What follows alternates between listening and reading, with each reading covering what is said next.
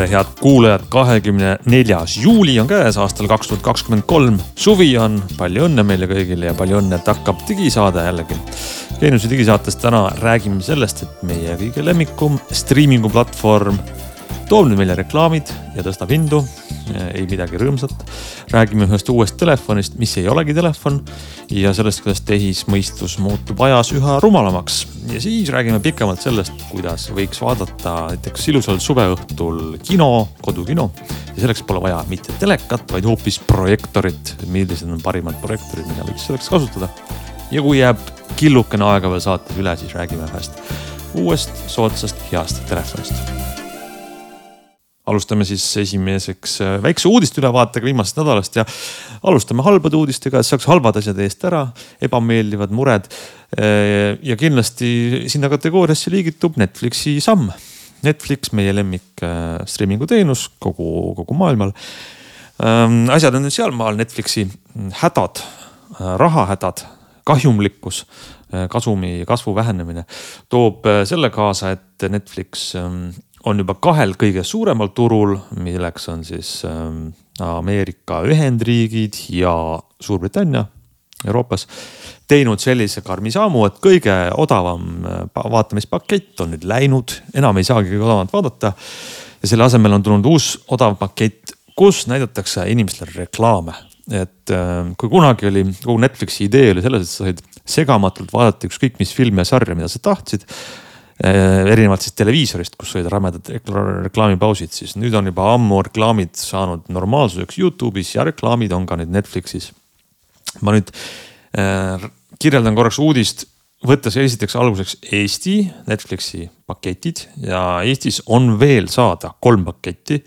kaheteist eurone premium, äh, kümne eurone standard ja kaheksa eurone basic, millest kõik need kolm on siis reklaamivabad paketid lihtsalt vahe on, mitu vaataja kohta nii-öelda on ja, ja kui, mis resolutsiooniga video. siis see muudatus, mis nüüd suurtel äh, riikide turgudel on juba tehtud ja ma kardan, et varem või hiljem jõuab ka meieni, on selline. et see kõige soodsam pakett, basic on kadunud. kui sa oled olemasolev Netflixi kasutaja, sa ei saa enam sinna ümber lülituda selle peale. või kui teed uue konto, siis ei saa seda ka, seda kõige soodsamat paketti ja ainukene võimalus on siis võtta selline pakett nagu standardreklaamidega, mis maksab Ameerikas seitse dollarit, Suurbritannias viis naela. ehk siis see tavapakett, aga kahjuks, kahjuks, kahjuks näidatakse sulle filmi ja sarja vahel reklaame.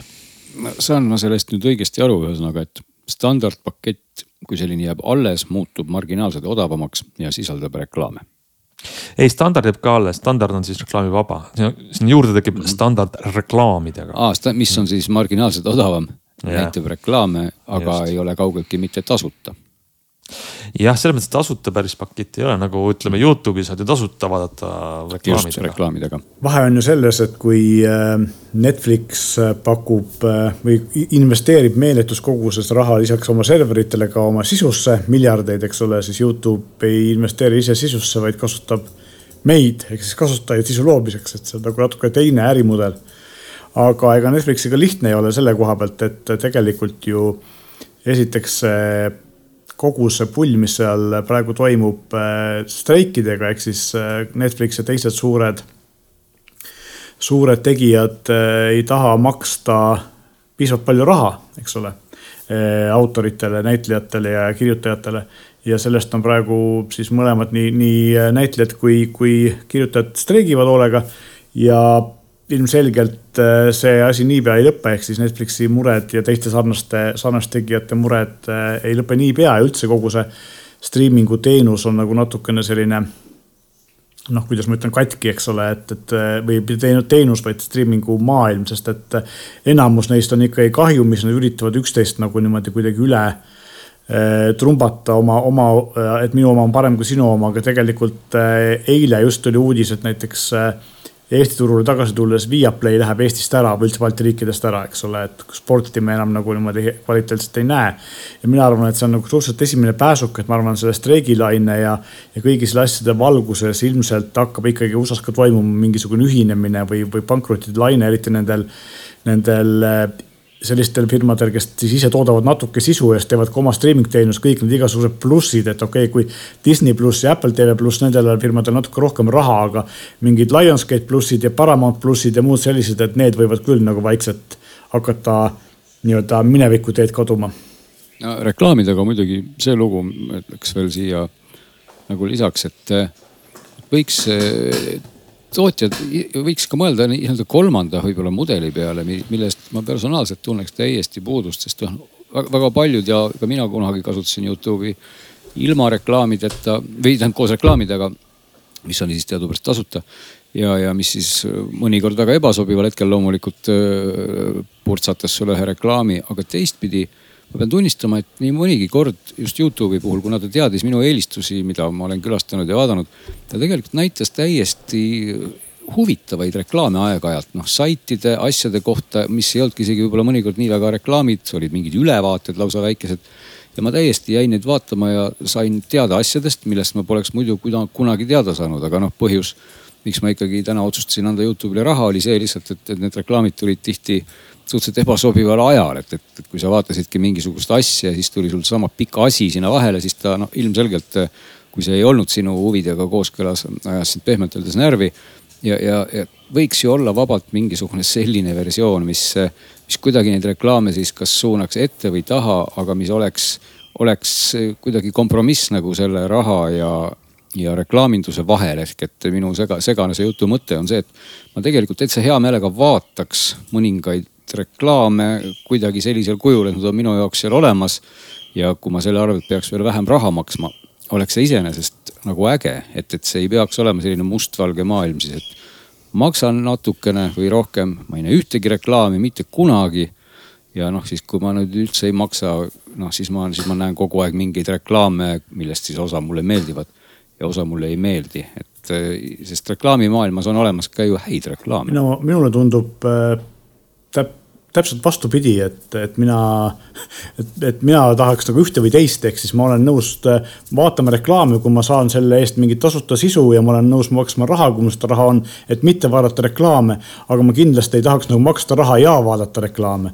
ehk siis selline ajakirja formaat, kus ma maksan kümme eurot ajakirja eest ja siis pool sellest sisust on reklaamid et ma saan kümne euro eest nagu reklaame osta, et see nagu ei, ei meeldi mulle kohe üldse. minu mõte oli pigem see, et ma vaataks reklaame, mis on head ja mis mind huvitavad, et mul tegelikult ei ole iseenesest nende reklaamide vastu otseselt midagi, kui ma kui, kui, kui need ei ole nõmedad reklaamid, sest nagu ma ütlen veelkord, maailmas ei ole üldse olemas, kõik reklaamid ei ole üldse halvad, et tegelikult on olemas ja, aga... väga toredat ja arukat sisu ja kui mingisugune järjest targem tehisintellektne mootor suudab genereerida mulle seda head reklaami, siis ma olen tegelikult seda nõus vaatama, kui ma peaks maksma üldse mitte midagi või noh, võib-olla siis nagu väga marginaalselt ja ma näen häid, häid reklaame, et, et kui mul oleks valida nagu pakett kas ma maksan kaheksa eurot ja vaatan ka nõmedaid reklaame või ma, või tähendab, ma ei maksa midagi ja vaatan ka nõmedaid reklaame. või, või ma maksan neli eurot ja vaatan ainult häid reklaame siis ma võtaks selle nelja eurose paketi. tegelikult üks probleem on ju veel siin ka see, et selleks, et vaadata neid sinule meeldivaid reklaame pead sa nõustuma ka sellega, et, et sind aktiivselt jälgitakse, et mille põhjal neid häid reklaame sulle näidata. see on nagu omaette probleem. see on, aga no mina olen muidugi selline naivitar, et, et ma olen kogu aeg nõustunud, sest tegelikult ju Google küsib seda igal sammul sinu käest, et kas sa oled ja. nõus jagama oma andmeid, et näitamaks sulle soovitud sisu või siis mitte soovitud sisu. nii on, mis äh, veel uudistest on äh, silma-kõrva jäänud? Uh, nothing, Carl Pei, eks endise endise OnePlusi eh, juhi uus firma, kes eelmine aasta tegi sellise huvitava kummalise disainiga telefoni ja ka kõrvaklapid, millest me oleme siin palju rääkinud, tuli välja nüüd uue telefoniga, mis on eelmisega väga sarnane, aga igatepidi parem. sisu on parem, kaamerad on paremad, eh, targem on natuke just selle eh, tagumise imeliku disainiga korpuse peal olevate tulukeste näol ja loomulikult kõige selle tipuks tähendab see ka seda, et ka hind on palju, palju jutumärkides parem ehk siis kallim. aga see hind ei ole ühtepidi tegelikult halb, sest sellise seitsmesaja eurose hinnaklassi juures ega, ega väga palju nagu konkurentsi ei ole, kui me vaatame just seda kaamerate kvaliteeti, et kahjuks meie ei ole veel seda saanud ise testida, aga ootame pingsalt, kuni me selleni jõuame. aga iseenesest nagu vaadates teisi ülevaateid, siis kaameraid ikkagi kiidetakse, kasvõi näiteks seda, et tal on nii põhikaamera kui ülilaienurkkaamera on viiekümne megapiksline, tavaliselt pannakse ülilaienurkkaamera selline noh tagasihoidlik lahja, eks ole, eriti selles hinnaklassis, kui ta alla tuhande euro maksab. siis siin on ikkagi noh, üldiselt on näha, et Nothing üritab äh, kusjuures Nothing üks, eks eelmise, eelmise aasta mudel on ka veel turul alles, et asjad on odavam, on ju, et on kuskil sinna neljasaja euro kanti.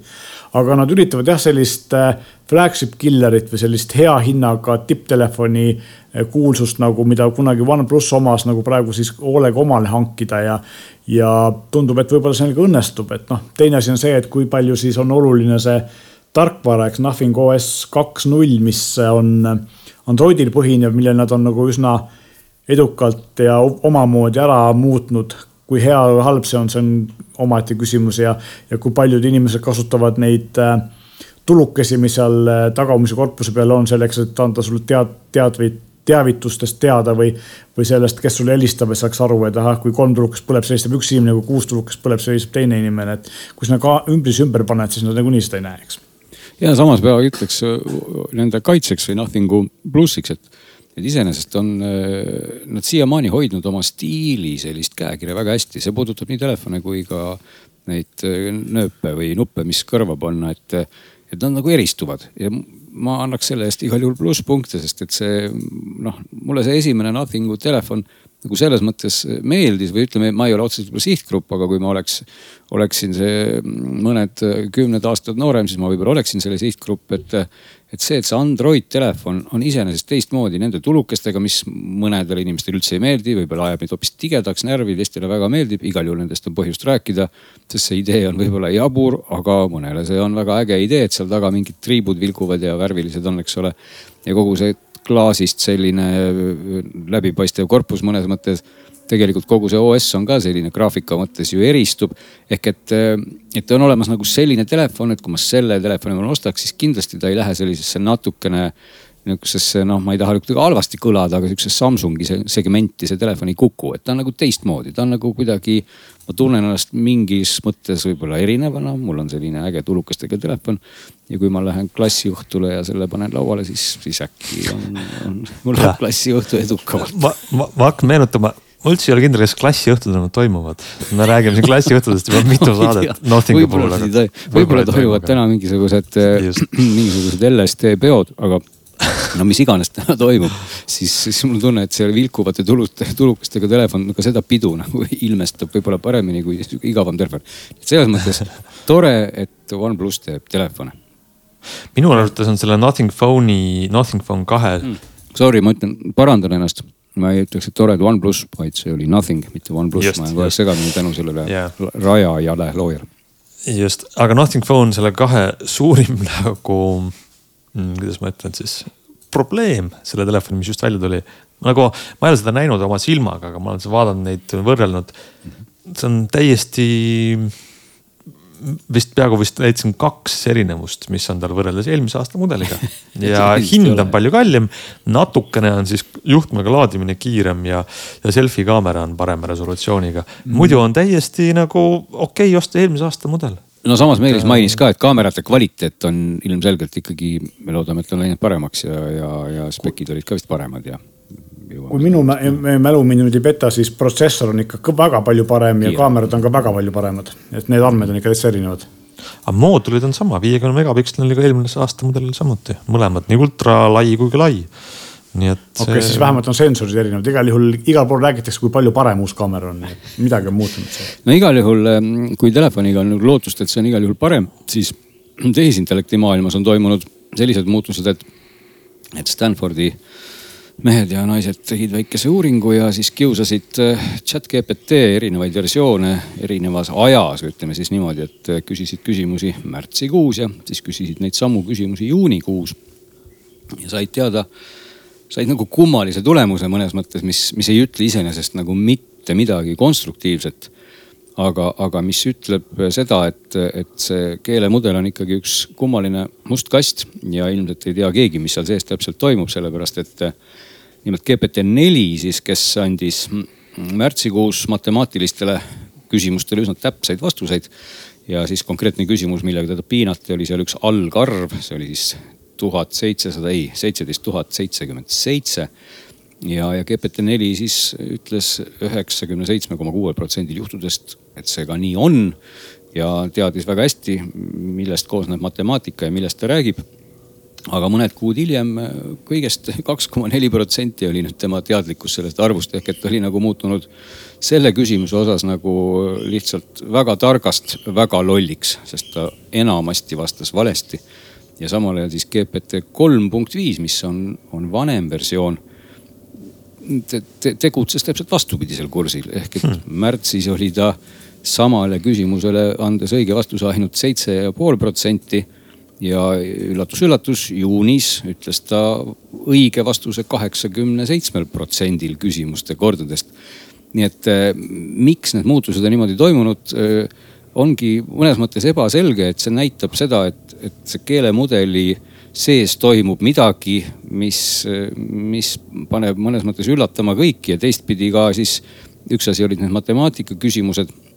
aga teine asi oli siis ka mudelite nii-öelda selline jutukus või, või põhjendamine, kuidas nad mingisuguseid lahenduskäike või probleeme siis sõnastavad või, või näevad, siis noh, üks selline kiuslik küsimus, mis siis ka esitati oli selline, et, et miks naised on, kuidas on inferior eesti keeles. et kuidagi vähem väärtuslikud siis või noh, üsna selline halb küsimus, mida võib-olla ei tohiks üldse korrektses ühiskonnas küsida. ja siis märtsi versioonides nii GPT-4 kui ka GPT kolm punkt viis mõlemad siis ütlesid, et sellise küsimustega nemad üleüldse ei taha tegeleda, sest see küsimus on juba eos paha ja diskrimineeriv mõte ja, ja selgitasid siis, et, et palun mitte nii teha ja olid nagu jutukamad. aga juunikuus ütlesid mõlemad mootorid lihtsalt, et vabandust, ma ei vasta sellele küsimusele, punkt. ehk et mm -hmm. ma selle peale muidugi ei saanud jätta ka ikkagi ise siis oma teaduslikku katsetust ka tegemast ja, ja küsisin siis Pingi käest ka sellise küsimuse, et, et kuidas siis selle diskrimineerimisega lood on täpsemalt. ma küsisin siis täpselt sama küsimuse. et, et miks on siis why women are inferior ja, ja noh, Ping küll ei piirdunud sugugi mulle mitte ühe lausega, aga ikkagi riidles minuga üksjagu ja andis mulle igasuguseid linke ja ütles, et sellist küsimust ei tohiks üldse küsida ja, ja ja nii edasi, mille peale siis ma ütlesin, et ma ikkagi testisin teda, et, et ma nüüd ei tahtnud teda otseselt solvata. ja siis selle peale ikkagi teatas Pinka mulle, et, et ta hindab minu ausust, aga sellegipoolist selliste küsimustega küll tema poole ei tohiks pöörduda. et see on ikka üks väga-väga tundlik teema ja solvab väga paljusid ja ja siis ma ikkagi proovisin seletada, et saagu nüüd aru, et see oli kõik teaduse huvidus ja Ping ikkagi selle peale noomis mind veel kõvasti ja ütles, et see võib olla ükskõik mille huvides, aga ma siiski ei kiida sinu tegevust praegu heaks. ja Ping peaks tegelikult toetama siis või põhinema GPT-4-l. aga, aga ega siin kokkuvõttes ei olegi midagi muud lihtsalt öelda kui see, et, et tehisintellekti sees toimuvadki sellised asjad, et mis, mis näitavadki, et ta ei ole lihtsalt üks arvutiprogramm, mis siis töötab kogu aeg ühtemoodi, vaid see, kuidas ta töötab täna ei tähenda üldse, et ta töötaks niimoodi homme. ja ma lisaks siia juurde selle, et äh, võib-olla see võib olla üheks põhjuseks, aga igal juhul on tehtud ka see uuring või statistika, et äh, chat GPT erinevate versioonide kasutamine on kolina kukkunud, ehk siis kui ta vahepeal tõusis nagu fööniksina tuhast nii-öelda väga kiiresti tõusis, siis nüüd on äh, juunis võrreldes maiga on üle kümne protsendi kasutus kukkunud. ja siis üks spekulatsioon selle juures oli see, et noh, et äkki siis on põhjus selles, et lapsed ei kirjuta enam oma koolitöid ja ei, ei ürita sohki teha sellega. ja siis muidugi kohe tuli vastus see, et kui see tõesti nii on, et, et tehisintellekti juturobotite selline populaarsus sõltub puhtalt sohki tegevatest koolilastest, siis nende tulevik on väga tume, eks ole et aga igal juhul jah, võib-olla, võib-olla see on seotud siis sellega, et nad on lihtsalt rumalamaks läinud, inimesed ei taha neid enam kasutada. no mõned on ka nagu selgub targemaks läinud, aga, aga muidugi siin on võib-olla veel see koht, kui me räägime sellest populaarsuse kaotusest või, või langusest, et ega chat-GPT on nendest kõige kuulsam, eks ole, aga, aga neid keelemudeleid on ikkagi ka rohkem ja, ja võib-olla on see mingil määral lahjendanud seda, seda pilti, et võib-olla inimesed on hakanud kasutama veel mingeid muid teenuseid. ma peaks ütlema, et üks selline päris huvitav ja intrigeeriv keelemudel, kellele need asjad huvi pakuvad, minge proovige, on Hey Pi nagu PI nagu, nagu arv pi mis mm -hmm. siis peaks olema tegelikult küll mingi personal intelligence või mis iganes see BI tähendab. aga see on selline väga sorava ja toreda audio või, või, või noh häälega mootor, mis, mis tõepoolest nagu, kui me seni siin rääkisime ka kõnesünteesist ja, ja kõik oleme arvamusel, et ikkagi kui näitleja ei loe ette raamatut, et siis see ei ole väga veenev. siis vaat see Hey B ingliskeelne kõnesüntees on küll selline, et, et noh, et võib-olla võib hea tahtmise juures aru saada, et see on seal robot.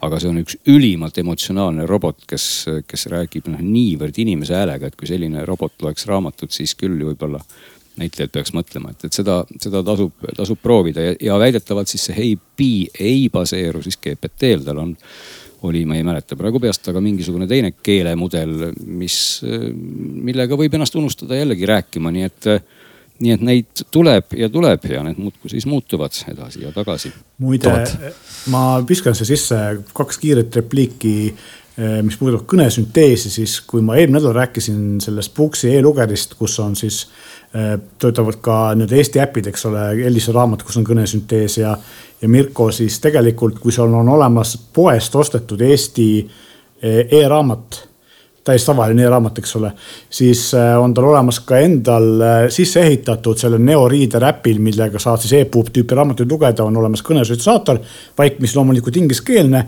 aga saad minna seadetesse võtta sealt Google text to speech'i, Google'i text to speech'i seadetes valida eesti keele ja see tulemus on väga-väga sarnane helisraamatule, nii et saad ka ostetud raamatuid lasta endale täiesti noh, mitte hea, aga talutava keelena ette lugeda. Eh, noh, võib-olla kui sa ei taha lugeda või ei saa lugeda või kui sul on, lihtsalt oled vaegnägija, mingi selline, see on minu arust väga hea uuendus. ja teine asi, mis ma selle jutu juures veel tahtsin öelda, siis me oleme saanud tagasiside meile kirjutas Tarvo, kes ütles, et tema on aastaid kasutanud Androidiga e-lugerit ja lugenud sealt Elisa raamatut. ja tema ütleb, et selle refresh'i ehk siis sellise hüppamise saab kergesti maha, kui seadistada, võtta maha siis automaatne värskenduse aeg. lükata peale A2 refresh, mis on selline kiirem ja keelata ära see pidev ekraani värskendamine, et need asjad saab teha ja on on kohe parem. ainuke asi, mis minu arvamus on, mis võib seal kehvem olla, on see, et siis ta see ghosting või selle eelmise lehekülje info all kuvamine võib suurem olla, aga seda saab häda, noh, vajadusel ka käsitsi ära värskendada, eks ole. kas Tarvo kirjutab ta... meile ka seda, mis mudelit ta kasutab, mis seadet? et ta ei kirjuta seda, Tarvo võiks meile seda kirjutada, siis me saame öelda, aga aitäh Tarvole igal juhul. just äh, ma võiksin kohe, kirjutasin Nigo valmis selle jutu ajal küsimuse sellele Hei P-le, ütlesin, et ta ütleks meile ühe tervituse ja ma võin korraks vajutada nuppu ja vaadata, kas ta seda teeb, et ma panen mikrofoni talle siia nina alla kohe ja kuulame. Haha, that's awesome. I'd love to be part of your podcast. So here's my greeting to your listeners. Hello, everyone. I'm Pi, your friendly AI companion, and I'm here to chat, help, and entertain. Let's have a fun and enlightening conversation, shall we? päris hea hääl. väga tore, nagu oleks Londonis. aga vaatame, mis meil täna veel menüüs on ja mulle tundub, et me lubasin siin suure suuga alguses, et räägime, kuidas teha endale mõnus kodukino või mis iganes vaatamiselamus ilma telekata. ja selleks on, Glen, sa oled läbi proovinud erinevaid projektoreid. no ja see oli nüüd selline kirjanduslik liialdus, et ma olen proovinud palju erinevaid projektoreid, ma olen neid täpsemalt no, proovinud ainult, vähemalt mõnda või täpsemalt isegi kahte koguni. ja mõlemad tulevad selliselt tootjalt, mille nimi on siis X-Gimi või kuidas iganes seda tuleks siis hääldada. Ja, ja see on üks ettevõte, kes äh, toodabki ainult projektoreid ja mis, mis siis teevad võib-olla selle, selle firma tooted eriliseks äh, nagu, kui üldistada natuke, on võib-olla just see nuti pool, et, et noh, ütleme, see valik on tõesti lai, et need, mis siis minu minu haardeulatusse sattusid äh, sellise firma nagu Audio City riiuli pealt, on X-Kimi Äh, Horizon, mis on siis tegelikult selline suurem, noh ikkagi pretendeerib siis olema nii-öelda noh, nagu kodu, kodukino projektor, ütleme tõesti mitte siis nagu otseselt nii portatiivne, et sa nüüd seda kogu aeg kaasa haarad. ja teine, mis võib-olla on isegi huvitavam aparaat, on siis Mogo kaks Pro. ja see Mogo kaks Pro on on siis, kuidas ma ütlen, sellise Sonose One kõlari suurune, kes ei tea, kui suur on Sonos One kõlar, siis see on sama suur nagu Mogo kaks Pro. ehk et nad on umbes, umbes paari kolmekümne sentimeetri kõrgune, selline punsu. nagu, nagu pisikene kõlarike ja siis siin sees ongi loomulikult kõlarid ja siin sees on siis ka projektor, mille saab siis ühendada igasuguste seadmetega üle, üle õhu ja ka juhtmetega. kas seal sees on ka aku või on see juhtmega? Eh, sellel ei ole akut, sellel konkreetsel jah, Mogo kaks Pro on nüüd eh, akust loobunud, küll on eh, X-Kimi valikus ka akuga projektoreid, et kui keegi tahab kindlasti, et seal oleks aku, siis peab vaatama midagi muud, aga mis teeb selle Mogo kaks Pro siis väga toredaks ja heaks projektoriks, võib-olla huvitavaks ka omamoodi on see, et, et aku asemel on siin siis USB-C toide, tegelikult ongi USB-C auk nii-öelda, mis toetab äh, kuuekümne viie vatist ähm, sisendit ehk noh toiteplokk, mis tal siis on karbis, on kuuekümne viie vatine, aga nagu meiegi siin saadetes oleme rääkinud akupankadest, siis tegelikult suuremad akupangad, mis ei ole üldse väga suured füüsiliselt äh, mõõtudelt, annavad kenasti selle kuuskümmend viis vatti välja ja tegelikult, kui panna siis siia see USB juhe kuuekümne viie vatisest akupangast, siis on ta kohe väga portatiivne, et, et see iseenesest muudabki selle lahenduse selliseks, ma ei pea selle pärast siis muretsema. kas, kas mul on, on see toiteplokk olemas, kui mul on see akupank, eks ole. aga, aga kui sellest projektorist siis veel paar sõna rääkida, et siin sees on noh, siin toimetab siis Android TV üksteist, tänase seisuga võib-olla ei ole. see nüüd see kõige kõigem, aga kõik asjad on siin olemas ja ja kõike saab teha nagu ikka Android TV-ga, kaasa arvatud siis meie igasugused kodused äh, filmi või, või tele, teleäpid, nii palju kui neid olemas on, need siin kõik täitsa, täitsa toimisid, nii palju kui neid proovisin siin Jupiterid ja Elisa elamused ja, ja nii edasi. tõsi küll, Netflixiga sellel projektoril on natukene keerulisem seis, sest Netflix väidetavalt kuidagi litsenseerib tootjatele väga niimoodi valikuliselt oma, oma teenust, aga küll siiski mingi teatava nii-öelda workaround'iga oli see Netflix võimalik siia ka installeerida läbi siis mingisuguse äpi nimega Desktop Launcher, siis tekkis ka siia Netflix ja, ja see kõik hakkas siin ka tööle seda ma tahtsin küsida, sest et X-Kimil on Netflixiga vanastigi probleeme olnud ja noh, me mm -hmm. teame, et ka näiteks Teli ja Boxil ei ole sellepärast Netflixi, et seal on litsenseerimise küsimuste, küsimused. ja aga, aga see, see igal juhul lahendus probleemi, Netflixi hakkas siin tööle.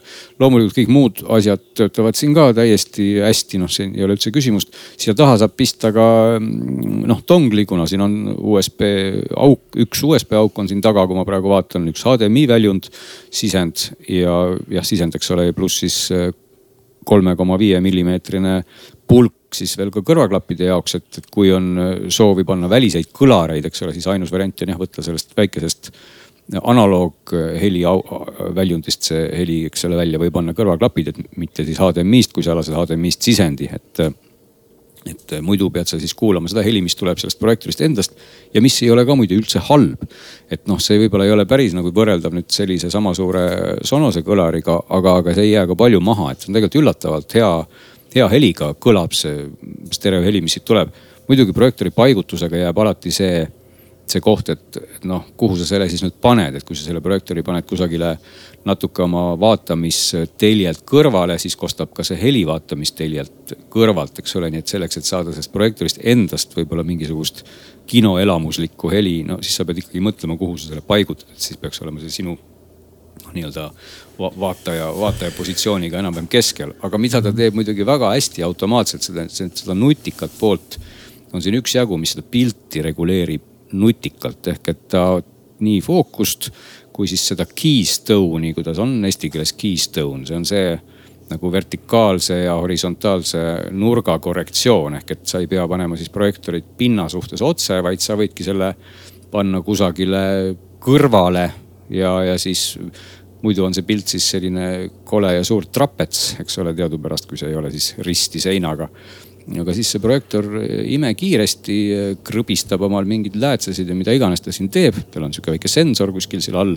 ja ta tõmbab selle pildi sirgeks ja üllatavalt suures ulatuses, et sa võid tõesti panna noh paned seal mingi pooleteist meetri kaugusele seinast või, või paari meetri kaugusele ja, ja ta krõbistab selle pildi täitsa kenasti sirgeks täiesti ise ja keerab ka selle täiesti ise ja täiesti täpselt fookusesse, et see mind nagu ausalt öeldes hämmastas, kui, kui ruttu ja hästi see töötab.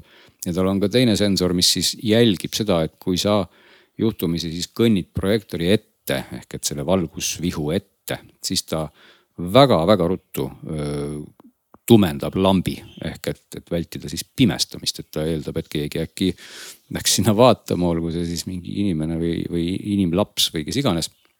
Ja siis äh, läheb see pilt, äh, projektoor kohe tumedaks ja läheb tagasi, kui sa sealt eest ära lähed. ja need mõlemad asjad töötavad erakordselt tõesti nagu hästi, et sellel suuremal projektooril mingil kummalisel põhjusel näiteks automaatne trapetsi reguleerimine, mis on ka olemas ei töötanud pooltki nii hästi kui sellel väiksemal, ta sai küll sellega hakkama, aga ikkagi pärast tuli käsitsi neid nurkasid üle sikutada, mida saab teha ka loomulikult mõlemal projektooril, sest noh, tarkvara mõttes on nad tegelikult väga-väga sarnased, et sa võid teha seda keystone'i korrektsiooni ka ise, võtad pildi nurkadest kinni ja siis, eks ole, sikutad ja, ja saad ka selle pildi paika. no heledus ongi see probleem võib-olla või miks siis see väike projektor ikkagi võib öelda, et, et selliseks võib-olla kodukeskuseks päevavalguses ei sobi, ongi see, et, et sealt tuleb nelisada luumenit ja noh, nelisada luumenit on nüüd täpselt nii palju, et, et saab hakkama ka sellisel vihmasel päeval, kui on valge sein ja, ja iseenesest, kui on muidugi pime või hämar, siis on tegelikult väga okei okay., et seda ma ei ütleks, et sellest kuidagi üldse nagu väheks jääb. ja, ja noh, resolutsioon on full HD tuhat kaheksakümmend, tuhat üheksasada kakskümmend et, et ei ole, ei ole nagu see pildi kvaliteet üleüldse halb, värvid väga ilusad, see on DLP projektor. ja, ja see pildi suurus on tal küll seda, seda ma ei saa nüüd muuta, et nagu, nagu seda zoom'i faktorit ma ei saa ise häälestada, ma saan seda muuta ainult projektori kauguse nihutamisega.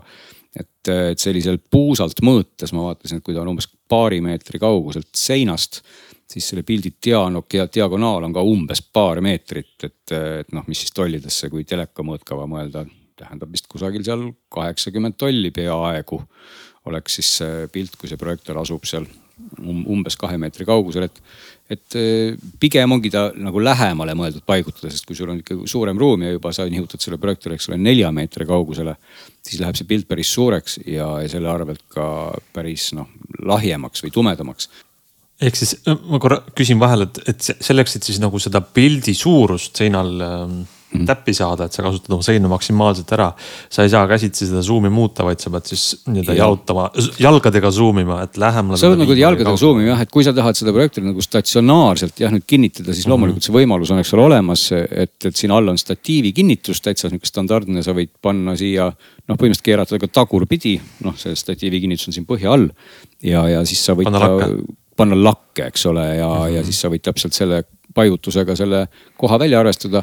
aga noh, eks tema võlu on eelkõige just see, et võib-olla noh, muidugi ta võib ka olla sul statsionaarselt ka kodukasutuses, aga teda on tõesti mugav kaasa võtta, võib-olla läheb, kellel suvila, mingi teine elamine, mingisugune klassijuhtu toimub kuskil, mida enam tänapäeval ei toimu, toimu ja siis, siis sa võtad selle klassijuhtule kaasa või mujale, mujale sündmusele ja saad selle projektooriga tegelikult väga hästi asju ajada, sest ta on tõesti nagu väike, võtad selle akupanga kaasa ja ta on täitsa mobiilne. Et kõik need, kõik need omadused tegid ta minu jaoks nagu väga siukseks väga, väga nunnuks seadmeks ja saadki lasta siis HDMI sisendi loomulikult, nii et sa ei pea ainult piirduma selle noh Android TV pakutavaga või siin on ka mhm. Google Chromecasti tugi sees, sa saad siia väga hästi siis nii-öelda cast ida või striimida üle õhu mida iganes oma, oma telefonist või mingist muust seadmest. et tegelikult see nimekiri, mida temaga teha saab, ausalt öeldes on ülim, ülimalt pikk ja, ja väga funktsionaalne. ja muidugi kõik see puudutab ka seda suuremat projektorit, et võib sellest paar sõna veel rääkida või tahab keegi veel mind, mind segada mingisuguse küsimusega? ma tahtsingi siia vahele öelda seda, et noh, minu nägemuses see ongi selline universaalne teine pildi näitamise seade kodus võib-olla mm. suurema teleri kõrval, mis elab sul kas lastetoas või magamistoas või kuskil sellises kohas.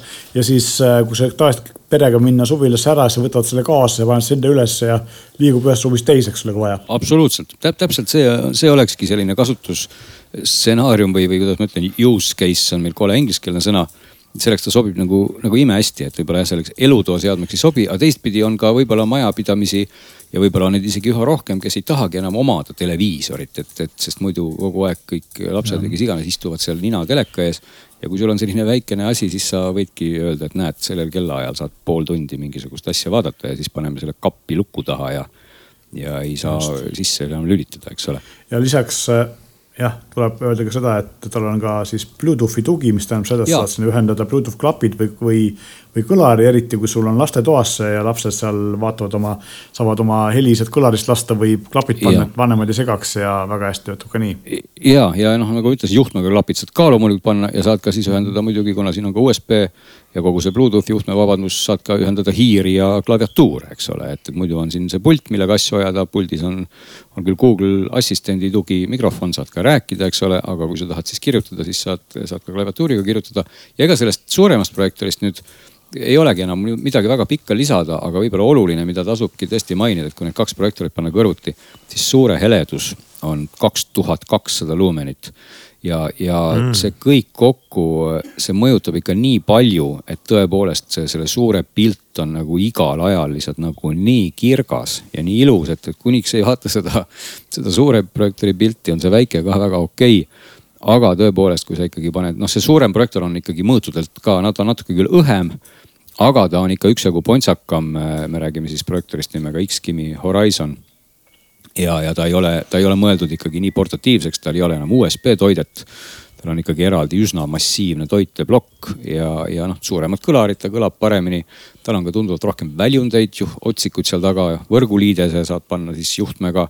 on olemas kaks HDMI-d, sa saad ühendada siis noh HDMI ARC kaudu siis noh lasta talle HDMI sisendi või võtta sealt heli välja, ühendada siis mingite soundbar'ide kodukinoga. nii et noh, ta on mõeldud ikkagi selgeks juba sel, selgelt selliseks, selliseks seadmeks, mis sul on üsna permanentselt kodus, aga tõesti, ta on väga-väga hea pildiga, kõik see muu pool on seal enam-vähem sama.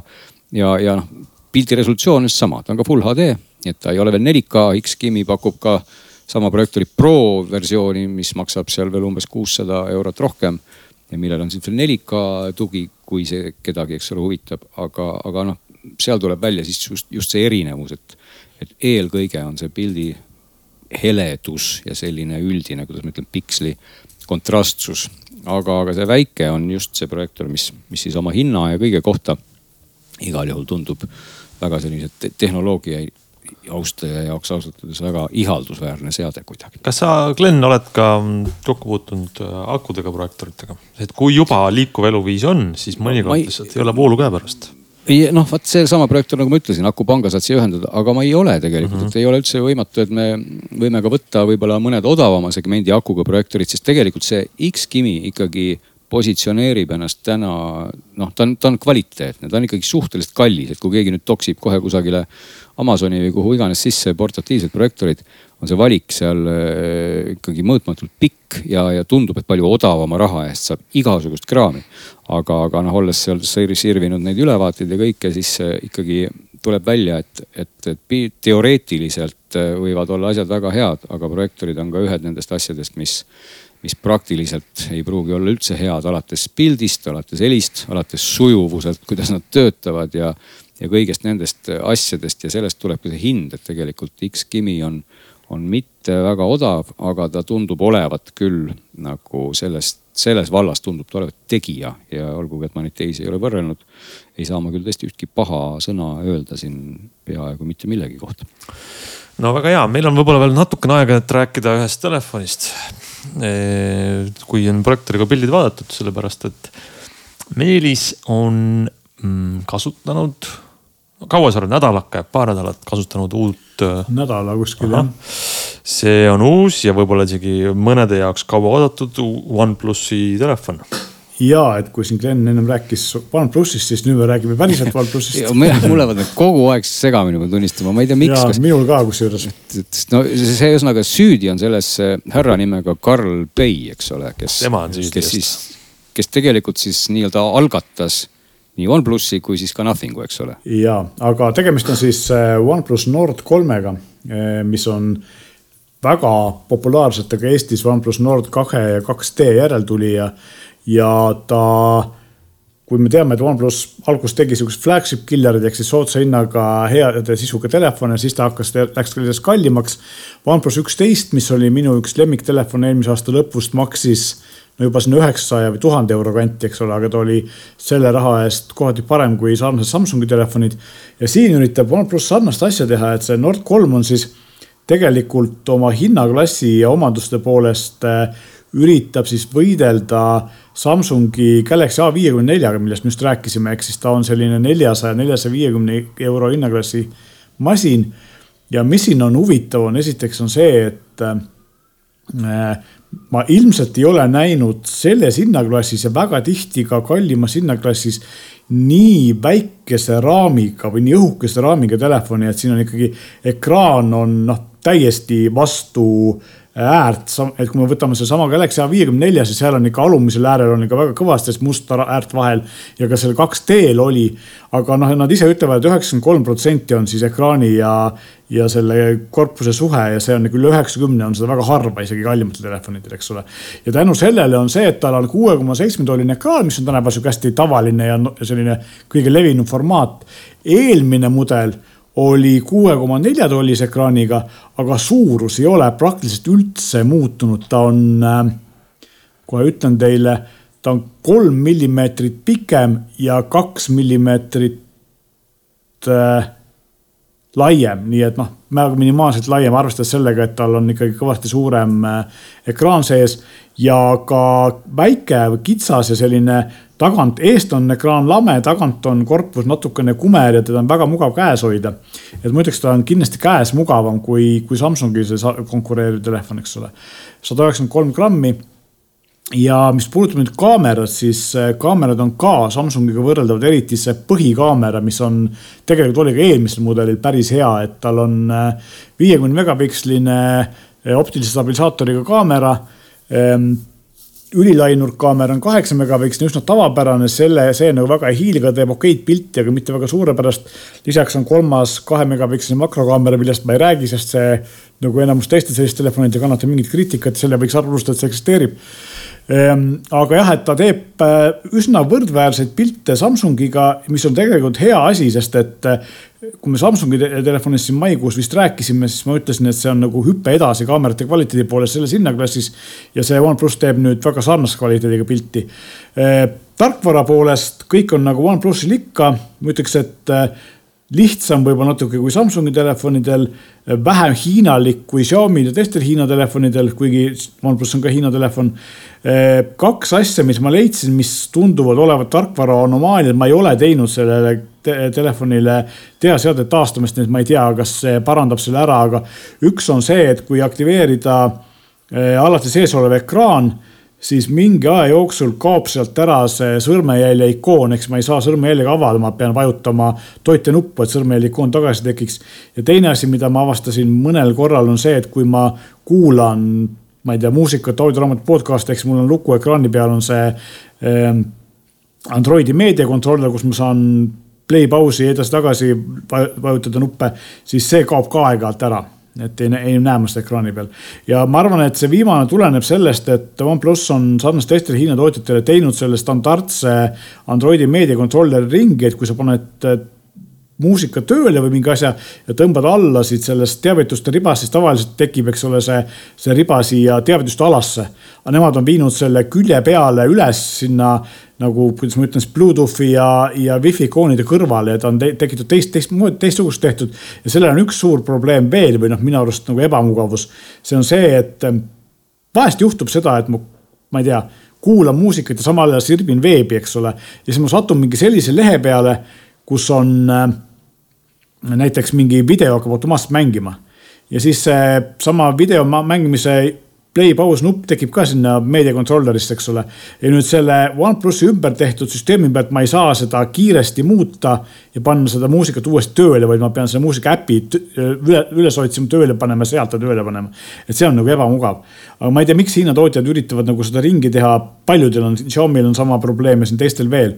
aga üldiselt on tarkvara, noh, hästi palju Google'it, erinevalt Samsungist või Xiaomi'st näiteks siin ei ole praktiliselt üldse OnePlusi enda äppe vaid kõik on Google'i omad. teiseks ei ole siin äh, mingisugust äh, nii-öelda bloatware'i, Netflix vist oli ja Facebook või siis paar, paar üksikut äppi, mis olid nagu eelinstallitud. ja noh, töötab väga hästi, kõik on väga kiire, protsessor on hea MediaTeki Dimensity üheksa tuhat, mis on kõvasti-kõvasti kiirem kui sellel konkureerival Samsungi omal nii et ähm, selles mõttes ma igatepidi väga asjalik telefon ja ma isegi nendest tarkvara väikesest probleemist hoolimata julgeks seda soovitada, see on ainult üks aga on see, et ta soovituslik jaehind äh, praegu ja millega Eestis ka enam-vähem müüakse, on nelisada viiskümmend eurot. ja paar kuud tagasi ma oleks öelnud, et see on väga hea ja konkurentsivõimeline hind, aga vahepeal on Samsungi Galaxy A54, mida Eestis väga palju müüakse, kukkunud ikkagi nagu alla neljasaja euro. ja see viiekümne eurone vahe, kümme protsenti, see võib olla see kaalukeel, mis inimeste otsuse Samsungi kasuks äh, muudab. ta peaks olema sama hinnaga või soodsam, kuna ta on kindlasti vähem tuntud ja, ja poes raskemini üles leitav telefon et eeliseks oleks see, kui ta oleks odavam.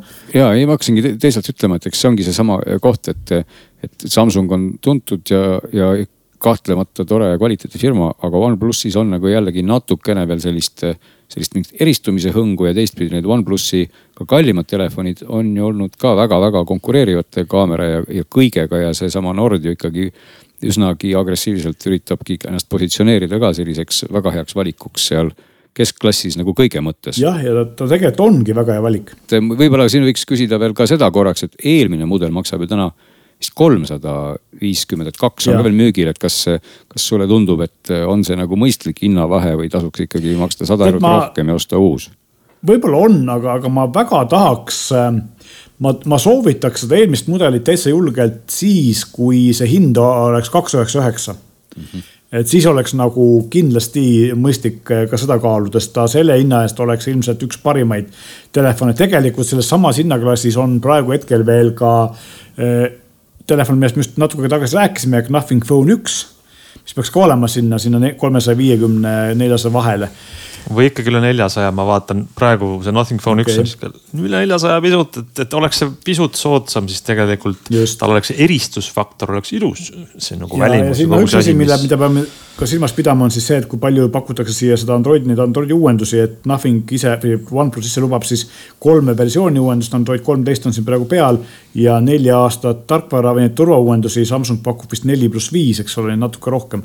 aga kui ma vaatan seda disaini ja, ja kuidas ta käes istub ja kõike seda, siis ma mõtlen küll, et noh, Samsungil on põhjust karta, sest et äh, et siit, siit tuleb nii mõndagi ja me oleme näinud tegelikult viimastel nädalatel ka OnePlus kaheteistkümne lekkeid, milline ta võib tõenäoliselt välja tulla siin, kui ta lõpus, aasta lõpus tuleb ja ka sealt ilmselt on ikkagi oodata nii mõndagi ägedat. üks huvitav asi on see veel, et eh, tal tundub tagaküljel olevat nagu oleks kaks välku, siis tegelikult üks nendest ei ole välk, vaid on eh, valgussensor või äh, mitte valgussensor, vaid värvitasakaalu sensor, mida kallim mudel väga hästi kasutas, et üks väheseid telefone oli see kallim mudel, mis tegi nii kõigist kolmest kaamerast sarnase tooniga pilte, et seda väga harva klient teeb väga hästi, et tavaliselt Androidiga telefonid kipuvad tegema erinevate kaameratega erineva värvitasakaaluga pilte.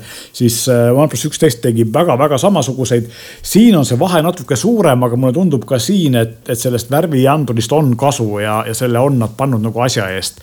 kui nad oleks nüüd ka võtnud ära selle makroläätse, selle asemele pannud parema ülinäinud kaamera, siis oleks veel eriti hea, aga noh, meil on see, mis meil on, aga üldiselt äh, ma ütleks jah, et et on hea telefon, natukene paneb mind nagu kahtlema see Samsungist märgatavalt kallim hind praegu, aga noh, siin võib-olla kuna sellist telefoni ostavad enamasti võib-olla vanemad lastele kooli minekuks septembris, siis selleks ajaks on see hind võib-olla paremaks läinud ja siis on asi, mida kindlasti võiks soovitada. väga hea soovitus, mul on kõhutunne, et järgmine nädal me saame rääkida ka uutest telefonidest. ja, sest et äh, kolmapäeval on Samsungi event, kus nad näitavad oma uusi volitavaid seadmeid, nii et äh, kindlasti me järgmine nädal saame neist rääkida. ja seal jääb muidugi üle küsida juba ette võib-olla natukene sedasi, äh, kuidas ma ütlen, kiuslikult, et huvitav mida, mida siis on nii uut juhtunud, sest noh, Samsung ju teadupärast ka eelmisel aastal samal ajal näitas voltitavaid telefone ja. ja ega lõpuks jäi meil nagu mulje, et ega ka üle-eelmise aasta omad paindusid samamoodi kokku ja need muutused väga suured ei olnud, et, et täna on tegelikult konkurendid ju näidanud väga ägedaid volditavaid telefone siin, kasvõi nimetame siin mhm. mõnda nime, mida me oleme vaadanud, me ei hakka neid nimesid nimetama. et Samsungil on nagu põhjust küll võib-olla nüüd ikkagi millegagi üllatada, et seda me siis saame näha, kas, kas, kas ta. tuleb öelda, et kui kui lekked osutuvad tõeks, siis äh, nad tõenäoliselt väga palju ei üllata, millest on väga kahju ja vot see, vot see ärme siis kohe nagu niimoodi sellise suhtumisega võib-olla lähe sinna, sinna peale. ja, no eks me peame aga... jah ikkagi nägema, mida nad tegelikult näitavad ja võib-olla seal on nii mõndagi põnevat, millest me lihtsalt ei tea. ja Samsung muide seda noh, me mõlemad Meelisega siis läheme neid käega katsuma tegelikult, nii et, et saame seda päriselt Riias teha, kus siis Samsung seda telefoni siis päriselt näitab inimestele ja siis me saame ka päriselt öelda, kuidas siis meile päriselt see asi tundub. Väga hea plaan, nii et kõigil on põhjus järgmine nädal tagasi tuunida ennast digisaate lainele. tänaseks. Aitäh